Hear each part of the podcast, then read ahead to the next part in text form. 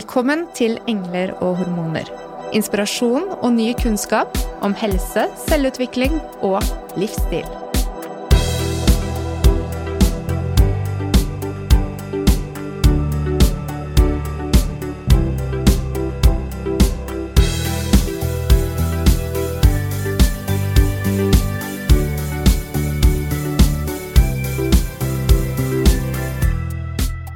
I dag skal vi snakke om kosthold for den nybakte mammaen, og også for de av mødrene der ute som ammer etter fødsel.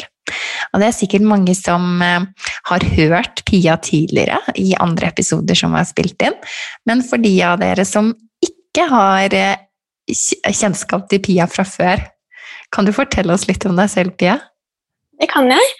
Eh, så jeg heter Pia Gårdholm Sætre, og så har jeg en mastergrad i klinisk ernæring eh, og jobber til daglig med kostholdsveiledning på Klinikk for alle på Majorstuen i Oslo.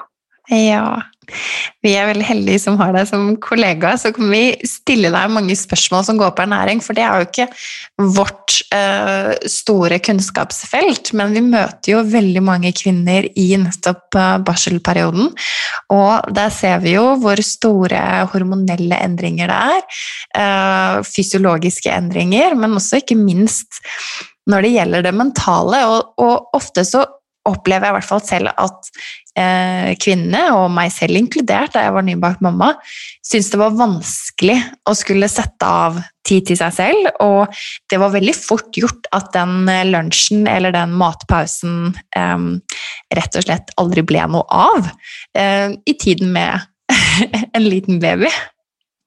Uten tvil. og jeg tror kanskje det er en av de største utfordringene er nettopp det at det er så utrolig stor omstilling og mye man skal ta hensyn til, og at det kanskje ikke er en selv som man prioriterer i like stor grad lenger.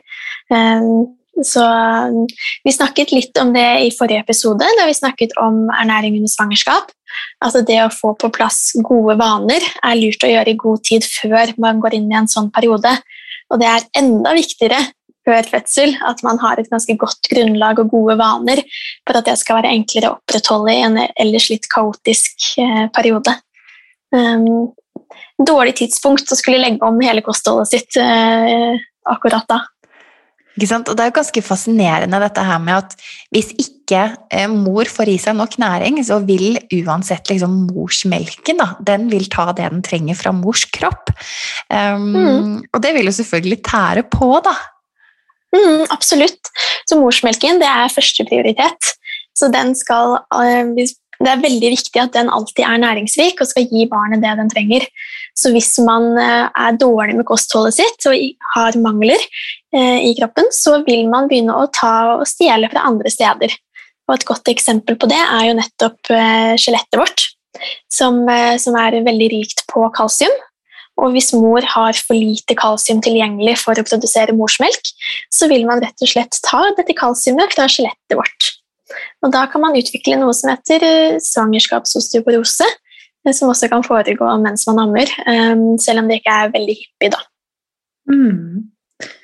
Og det er jo igjen en stor omstillingsprosess for en kvinne å gå fra svangerskap via en forløsning, om den er vaginal eller ved keisersnitt, og så videre ut i postpartum-perioden. Det skjer mange store endringer, både fysiologisk og med muskel- og skjelettsystemet i denne perioden. Og så tenker jeg da umiddelbart at dette må da ta mye energi, for vi skal jo bygge oss opp igjen etter svangerskap og fødsel.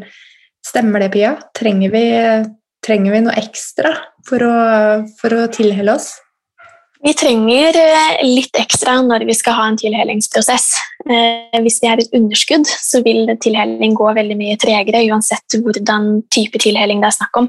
Så vi må være i et energioverskudd. Ehm, eh, etter en fødsel eller under amming, hvor man da krever ekstra energi, så er det ikke snakk om veldig store mengder med mat ekstra, sånn som vi også snakket om under svangerskapet. Så det er ikke veldig store forskjeller, men f.eks.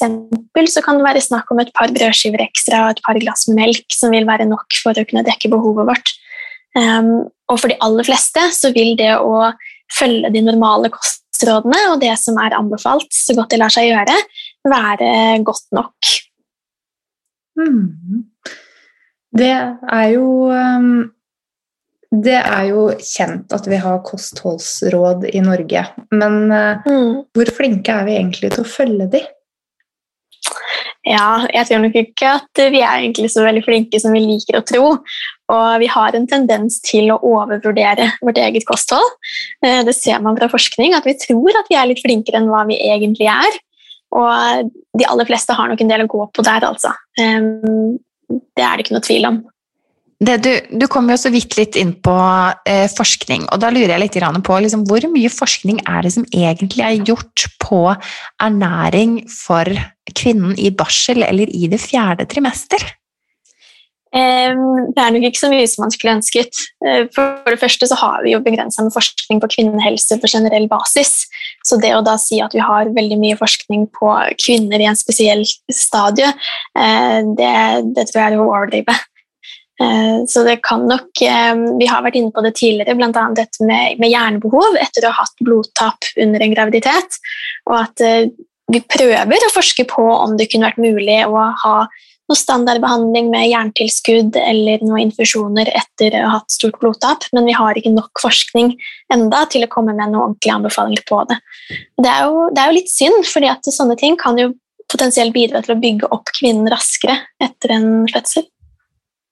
Tenker du at det ville vært hensiktsmessig om man også på en type seksukerskontroll etter fødsel gjorde en blodprøvestatus på D-vitamin og jern og andre næringsstoffer som vi trenger? Absolutt. Eh, Det tror jeg ville vært positivt for de fleste. Nå skal det sies at eh, barnet i seg selv de skal, altså det skal ta tilskudd av vitamin D eh, hvis det ammes uansett. Eh, Og det er anbefalt også at eh, mødre og alle andre i befolkningen tar et tilskudd av vitamin D på 10 mikrogram per dag. Um, men jern er jo selvfølgelig noe som er interessant nettopp pga. dette blodtapet under fødsel. Og at det, det påvirker energinivåene i veldig stor grad. Å ha jernmangel gjør at man typisk blir slapp og sliten, og det er ganske ugunstig når man nettopp har en nyfødt hjemme. Mm. Man allerede kanskje har en, en døgnrytme som eh, ja, eh, ikke er helt forutsigbar, og man våker mye eller ja. Uten tvil, så jeg tenker at det vil i hvert fall ikke være noe eh, negativt å ta en blodprøve og undersøke akkurat det. Så skal det sies at det er jo ikke alt som dukker opp på blodprøver heller, men man kan undersøke, som du nevnte, jern og vitamin D og B12 blant annet, som er eh, viktig for spesielt dette med energinivåer. Mm. Er det noen andre komplikasjoner rundt eh, forløsning eller fra svangerskapet som typisk bærer seg over i barselperioden, som vi må ha fokus på ernæringsmessig? Jeg tenker på hvis man har hatt svangerskapsdiabetes, svangerskapsforgiftning, andre ting. I utgangspunktet så skal man ikke måtte ta sånn veldig spesifikke hensyn sånn fra et ernæringsmessig ståsted.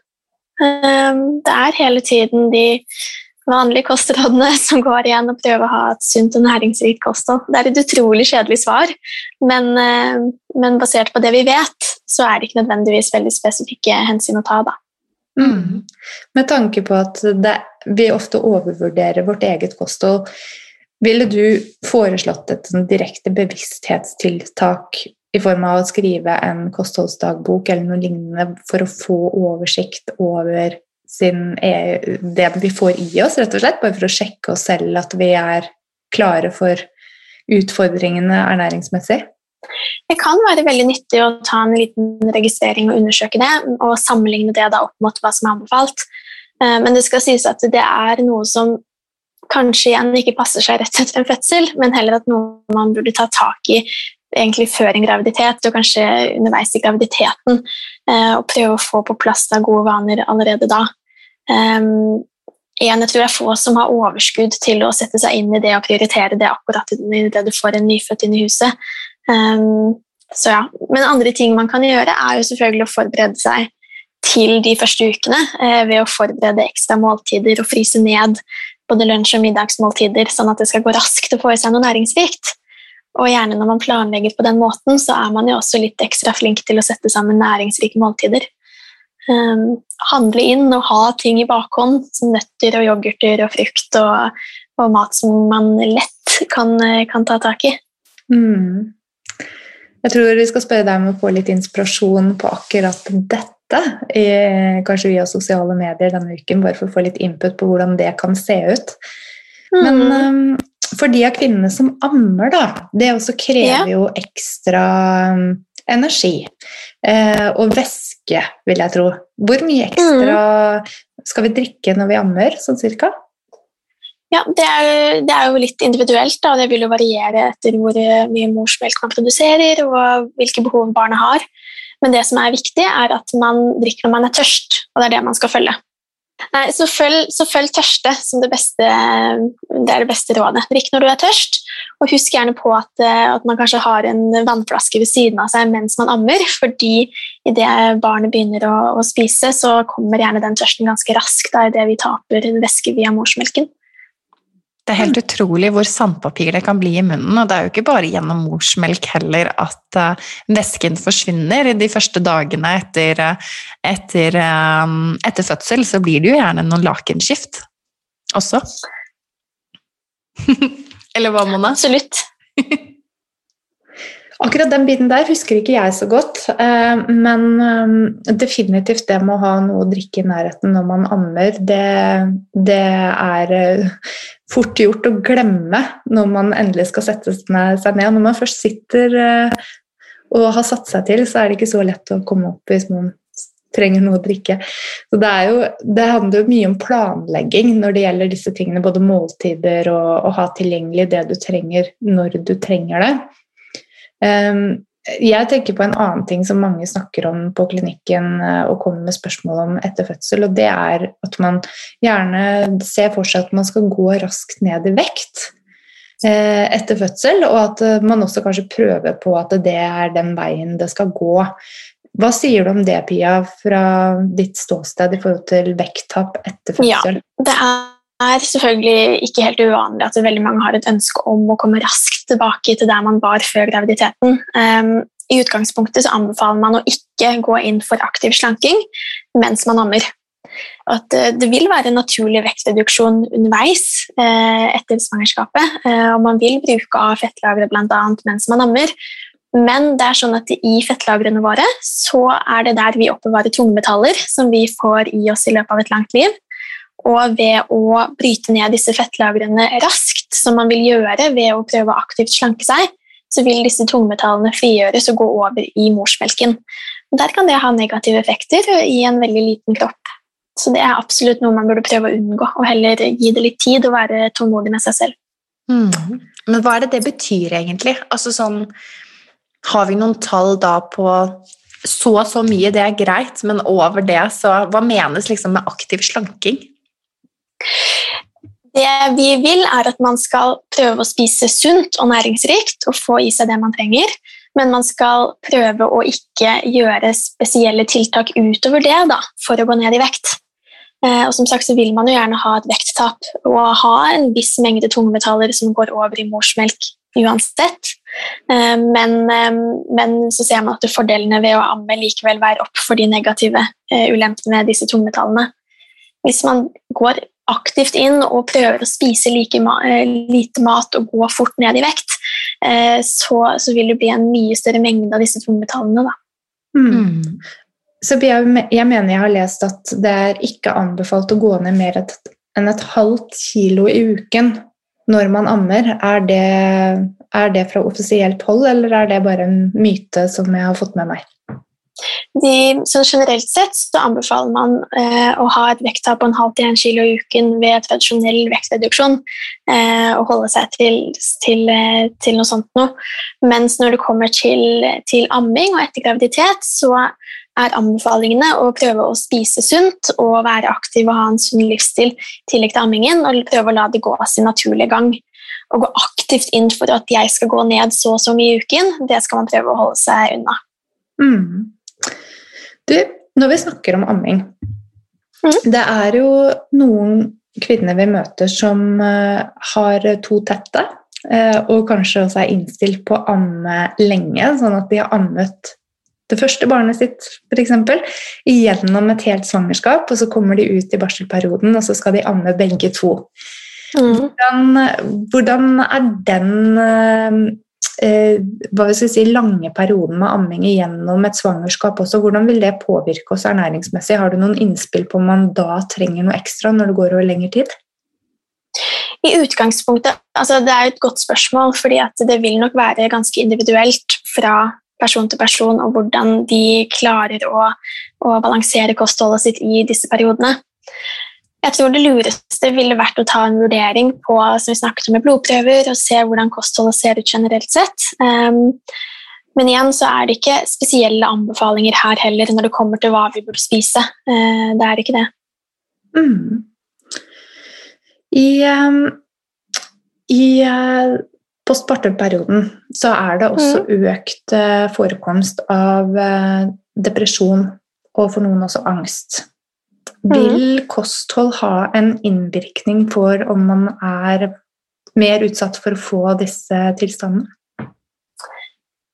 Vi har jo noen vitaminer og mineraler som ser ut som er mer gunstig når det kommer til mental helse. Eh, vi var litt inne på dette med jern, og at det fort kan gjøre at man føler seg trøtt og slapp og sliten, som absolutt ikke er gunstig. Eh, også vitamin D, som også er knyttet opp mot mental helse. Det er jo anbefalt at man skal ta tilskudd av vitamin D eh, også når man ammer. Men eh, slik jeg vet, så tror jeg at største, en av de største tingene man kan gjøre for å forebygge barselsdepresjon, er å amme. At det er ganske sterkt knyttet opp mot hverandre.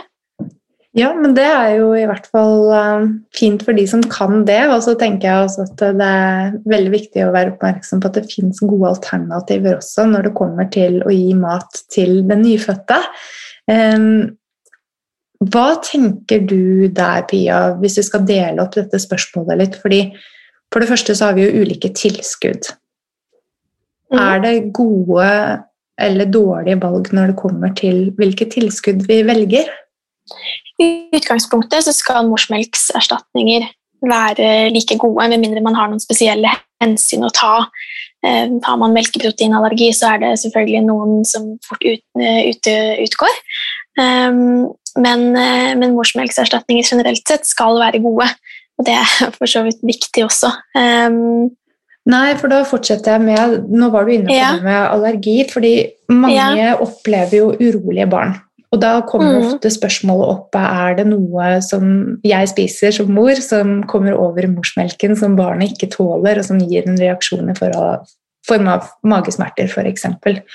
Mm. Eh, hvordan skal vi forholde oss til det om vi har et urolig barn og ønsker å se på kostholdet? Ja, altså I utgangspunktet, det, det som eh, vanligvis kan være årsaken der, er jo melkeprotein.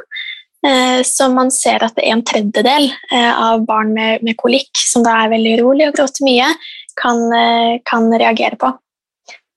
Um, så det man gjør da, er at man tar, hvis man har en mistanke om det, og barnet er, gråter veldig mye og er veldig urolig, så kan man fjerne da kumelkprotein fra mors kosthold i ca. to ukers tid, og se om det da har en positiv effekt på barnet.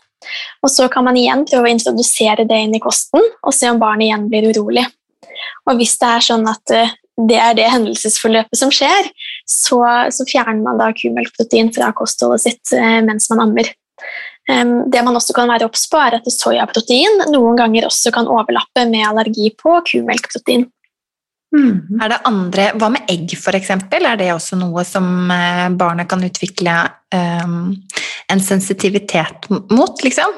Eller sensibilitet? Sens ja. ja. sensitivitet. Mm. Det, det, er absolutt, det kan være det, men det er ikke like vanlig. Det er som regel kumelkprotein, og det er der man ville startet med å utforske disse tingene. Men så er det jo sånn at uh, alle barn er jo ulike, og man kan jo i teorien være allergisk mot egentlig alt. Eh, så det er, jeg er absolutt en av de tingene som barn kan ha allergi mot. Eh, og det å da fjerne det fra kostholdet sin på samme måte og undersøke det på den måten, kan være en måte å gå fram på. Det finnes jo også en del myter, da. F.eks.: Jeg kan ikke spise druer, for da får barnet mitt uh, luft i magen. Eller jeg kan ikke spise løk eller erter eller ja. ja. Mm, ja, og det er myter, som du sier. Mm. Um, det er sånn at den maten, den maten vi spiser, den blir jo fordøyd i vår fordøyelseskanal, og ikke i fordøyelseskanalen til barnet. Og Det er litt viktig å ha i bakhodet. Og i fordøyelseskanalen så blir maten vi spiser, brutt ned til bitte, bitte, bitte små eh, molekyler eh, som blir tatt opp i blodet, og på den måten sendt over i morsmelk og til barnet. Um, så nei, det er ikke sånn at uh, løk eller druer eller erter kan gjøre at barnet blir oppblåst. Kullsyre også er en sånn myte om at det kan også gjøre at det blir mye luft i magen til barnet. Men det innebærer jo da at det måtte vært kullsyre i blodet vårt som gjør at det blir kullsyre i melken, som igjen gir oppblåsthet hos barnet. Og, det, og det er, vi har ikke kullsyre i blodet vårt. Det hadde jo vært litt spennende, da. Et brusende blod. Det kan jo føles sånn ut noen ganger. Det kan jo for så vidt det. Men nei da, så det er, det er på en måte ikke fysiologisk mulig da, å reagere på de tingene som ville gitt reaksjon hos oss. Når løk er noe som gir oss plager i vårt fordøyelsessystem, så handler det om at det er gjerne fiber som kommer til tykktarmen vår, eh, som fører til fermentering. Um, så ja. Så hvorfor vil det da være liksom sånn at melkeproteinet eller proteinet i egg vil kunne skape en irritasjon hos barnet? Det er fordi at de har en allergi, så de får en reaksjon på selve proteinet som kommer i melken. Mm, så da har du hele det proteinet til stede eh, som gir plager. Ok, jeg skal være litt vanskelig bare sånn for å lande den forrige ballen med løk og så videre. Fordi Ja. finnes det da ikke teoretisk mulighet for at det er stoffer i løk som kan gå over i morsmelken, som også kan skape en reaksjon hos baby? Um, hvis man skal tenke litt på det, så er det i utgangspunktet så vil jeg si at hvis man skal ha en allergi, en allergisk reaksjon, så handler det om kun proteiner i mat. Det er kun proteiner som kan gi allergi. Hvis det er intoleranser eller at man kan få litt sånn mage-tarmplager, så går det mer over i den intoleransebolken. Og da kan det f.eks. være fiber eh, som er eh, vanskelig å fordøye, som fører til at det blir produsert mer gasser og disse tingene. Og vi har fiber i morsmelk. Det har vi. I form av oligosakarider har vi utrolig mye av det. Som, eh, eller som prebiotika, da, som er viktig for eh, utvikling av tarmen til barnet. Og tarmkanalen til spedbarn er ikke ferdig utviklet. Så de vil absolutt kunne få eh, reaksjoner i form av luft i magen og løs avføring og hard avføring, og sånn, avhengig av, av, de tingene der. Da. Så det, sånn sett er det mulig. Men det er ikke det at vi har spist løk eller erter eller disse tingene her. Mm. Mm. Hva er det som gjør at melken er så søt? Er det noe med oligosakkariden å gjøre? Det er veldig mye laktose i, i, morsmelk, så jeg vil tro at det kanskje er det, uten å være helt 100% sikker. Laktose kaller vi oss for melkesukker, da. Ikke sant? Mm. Rett og slett. Takk for det, Pia. Da har jeg fått oppklart det. Fordi eh, Jeg husker min nevø han kalte det for sukkermelk. Ja, ja, ja. Morsmelk er sukkermelk. Mm. Mm. Han hadde jo for så vidt rett til det, da. Ja, han hadde jo det. Ja. Når vi kommer da, hvis vi skal kutte det til benet, da, Pia mm. eh, Rene, klare råd til kvinne i barsel om du ammer eller ikke. Så eh, har vi da ekstra behov for makro- og mikronæringsstoffer som du vil påpeke?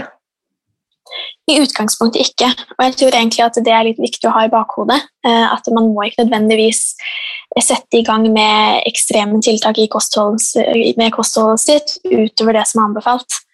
Og rett og slett prøve å holde seg til det grunnleggende eh, og få det på plass tidlig i forløpet. Eh, og også akseptere at det er vanskelig å få til i en sånn type periode av livet sitt, og det også er greit at det ikke nødvendigvis trenger å ha ekstreme effekter eh, på, på verken morsmelk eller på barnet. Hmm. Kjempefint. Det tror jeg er viktig.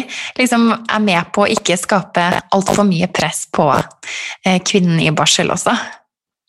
Ja, og er, jeg tenker at det er veldig mye som skal på plass, og mye man er stressa over. Og amming og døgnrytme, og at man ikke skal gjøre ting gærent eh, med, med barnet sitt. Så Så ta det litt med ro, tenker jeg, og vær trygg på at hvis du har relativt gode vaner på plass fra før, så skal det mye til for at noe skal gå gærent. Mm. Tusen hjertelig takk, Pia, for at du gir oss en, eh, ja, en stødig veiledning, vil jeg si, gjennom eh, ernæring i barselperioden. Jo, jeg håper det kan være til hjelp, i hvert fall. Det er jeg helt sikker på. Og for de av dere som lurer på mer eller trenger kostholds, um, kostholdsveiledning, så finner dere Pia på Instagram under Pia Saetre ernæring. Og på Klinikk for alle på Majorstuen. Mm. Mm. Tusen hjertelig takk igjen, Pia. Ja, tusen takk for meg. Vi ses snart igjen. Det gjør vi. Ha det! Ha det.